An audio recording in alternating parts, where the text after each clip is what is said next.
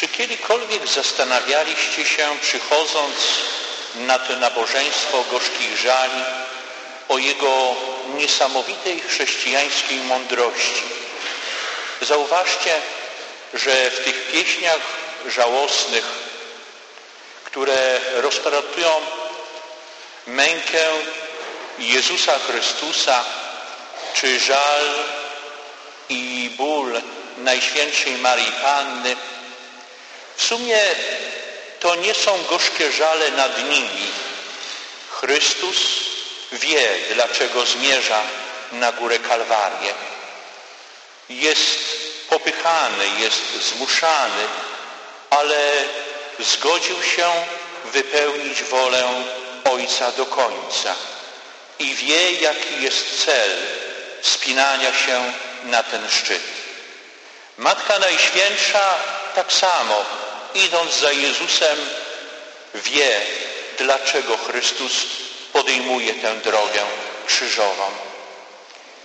Gorzkie żale są nabożeństwem, które otwierają nas na Bożą miłość, które pomagają nam popatrzeć na siebie, na naszą kondycję duchową i poprosić Boga właśnie tego tam z krzyża i Maryi pod Jego krzyżem o tę łaskę naszej przemiany, o tę na łaskę naszej wytrwałości w czynieniu dobra.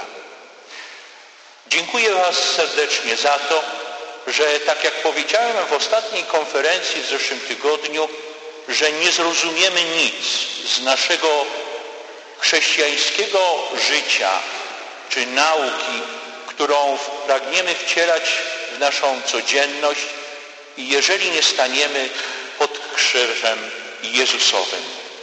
Zdecydowaliście się pójść razem z tym Kościołem, z tą wspólnotą, za to, że dzisiaj jesteście i zmierzacie drogą męki Jezusa. Niech Pan Bóg Was obdarzy Bożą łaską i mądrością. Krzyż, w który się wpatrujemy, jest obrazem ludzkiej nędzy. Krzyż, w który się wpatrujemy, jest przerażający. I postać Jezusa na krzyżu też przeraża i przerasta nasze wyobrażenia. Pamiętamy, że Jezus zanim zaczął tę drogę krzyżową, został skazany na biczowanie. Biczowanie rzymskie było niejednokrotnie tak okrutne, że ludzie nie wytrzymywali tego biczowania, umierali. To już był cud, że On przeżył i mógł podjąć tę drogę na Kalwarię. Ten widok Jezusa musiał być tak przerażający, że jeżeli czytamy w różnych dziełach ludzi, którzy mieli świadomość, czym jest śmierć na krzyżu, pisali takie to słowa. Grecki pisarz Lukian prosił, aby zlikwidować z alfabetu greckiego literę T, ponieważ ona przypominała krzyż. A mówca rzymski, polityk Cyceron powiedział tak. Kat, zakryta twarz i już sam wyraz krzyż powinny być daleko nie tylko od ciała obywatela rzymskiego, ale także od jego myśli, oczu i uszu. Przerażający widok. Ale jakże zaskakujące są Jezusowe słowa, pierwsze wypowiedziane z wysokości krzyża. I do rozpatrzenia tych słów dzisiaj Was serdecznie zapraszam. Ojcze, przebacz im, bo nie wiedzą, co czynią.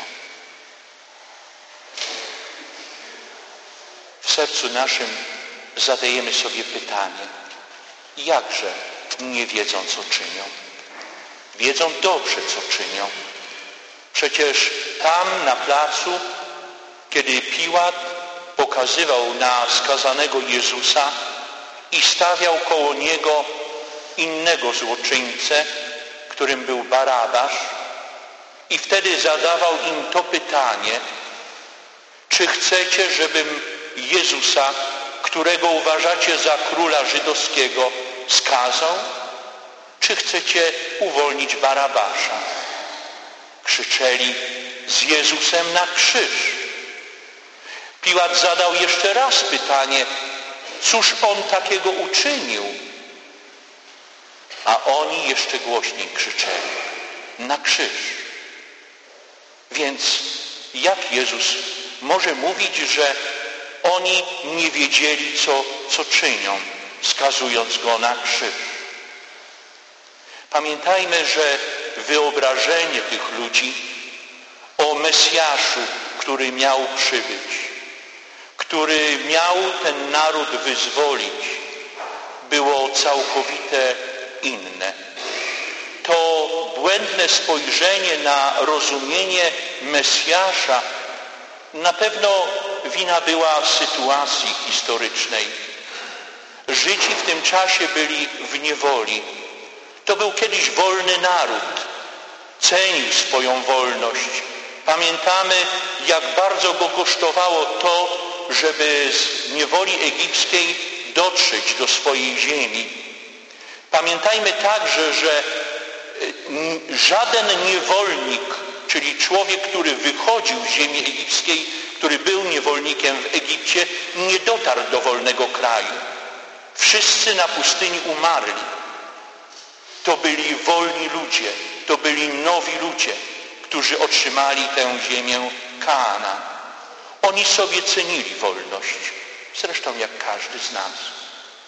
I kiedy w tym momencie historycznym znajdowali się w niewoli rzymskiej, kiedy wszystko zostało ograniczone, kiedy nie pozwalano im na, na swobodne zarządzanie swoim krajem i bycia odpowiedzialnym za swoją ziemię, swoją religię, swój naród, oczekiwanie Mesjasza łączyło się z innym wyzwoleniem wyzwoleniem spod władzy rzymskiej.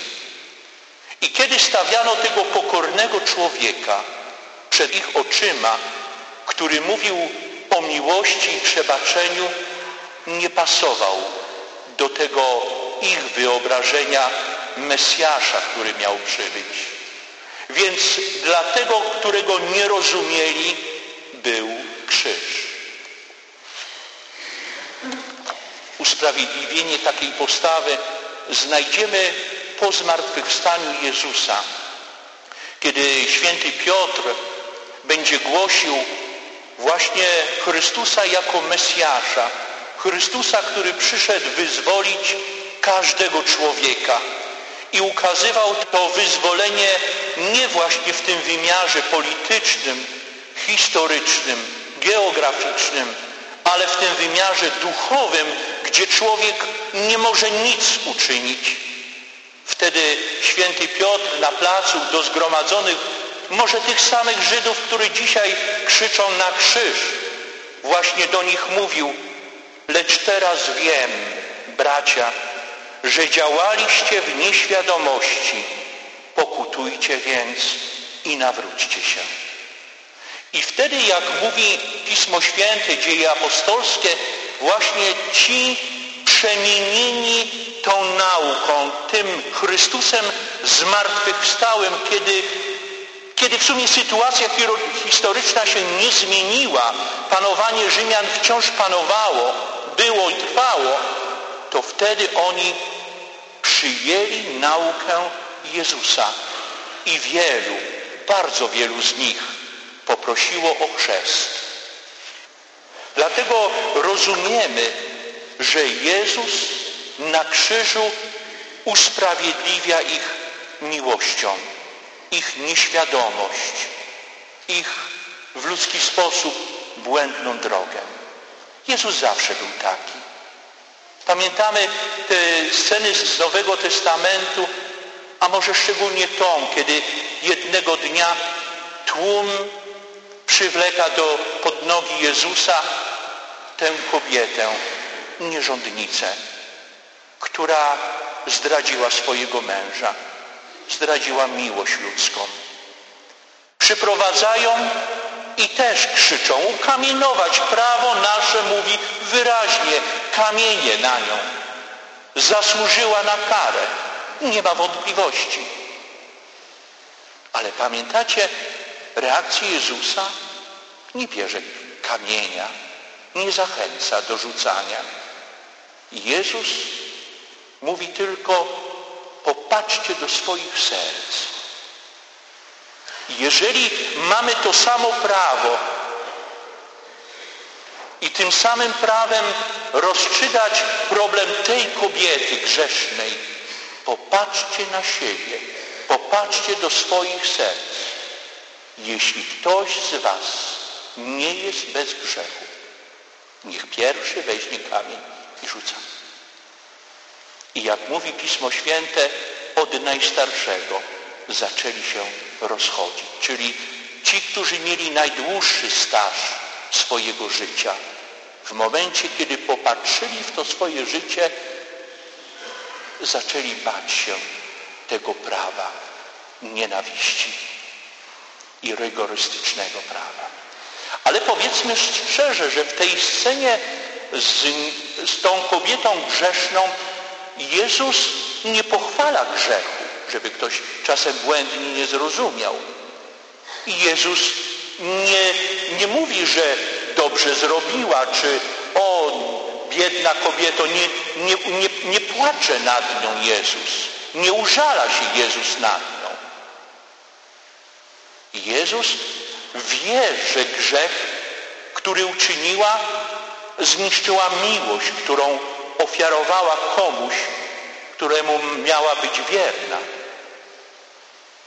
Ale Jezus także wie, że jest w niej potencjał dobra, który trzeba uruchomić właśnie miłością, żeby przywrócić jej świadomość tej miłości, którą straciła, żeby naprawić to, co jest do naprawienia, bo życie jeszcze jest przed nią.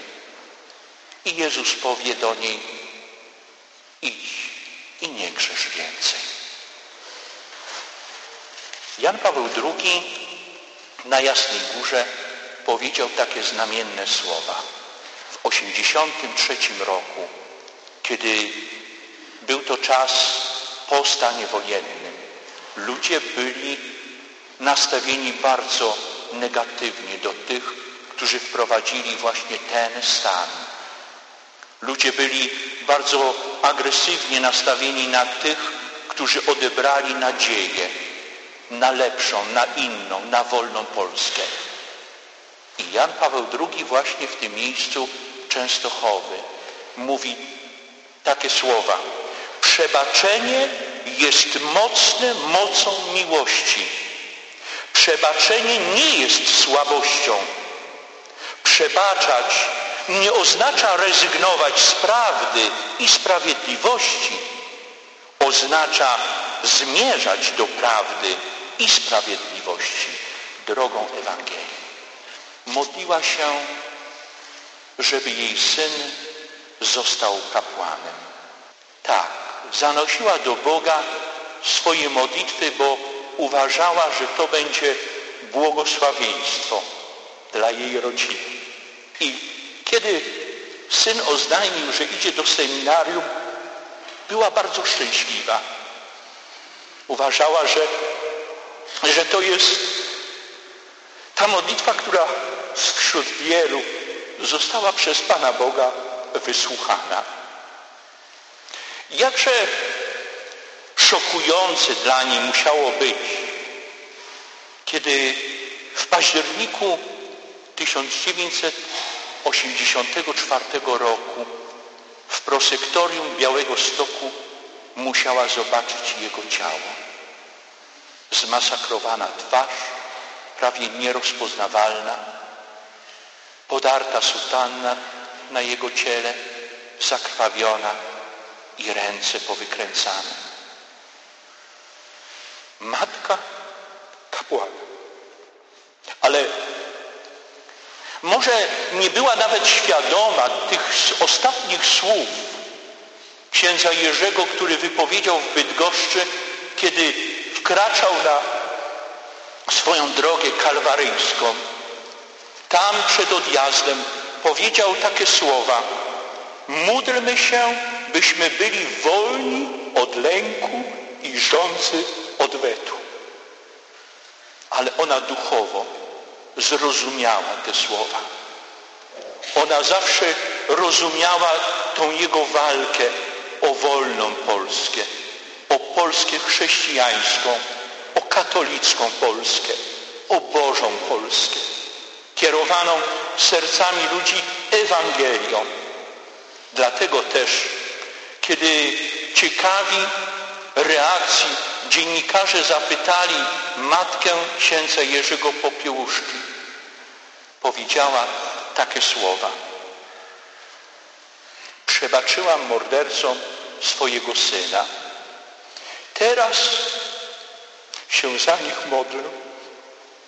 To morderstwo zostawiło we mnie wielką, bolesną ranę, ale nie trzeba jej rozdrapywać. Niech im Pan Jezus daruje. Najbardziej bym się cieszyła, gdyby mordercy mojego syna się nawrócili.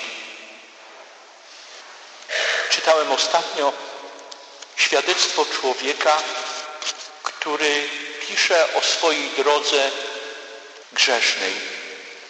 Pisze bardzo wyraźnie, zacząłem niszczyć moje małżeństwo.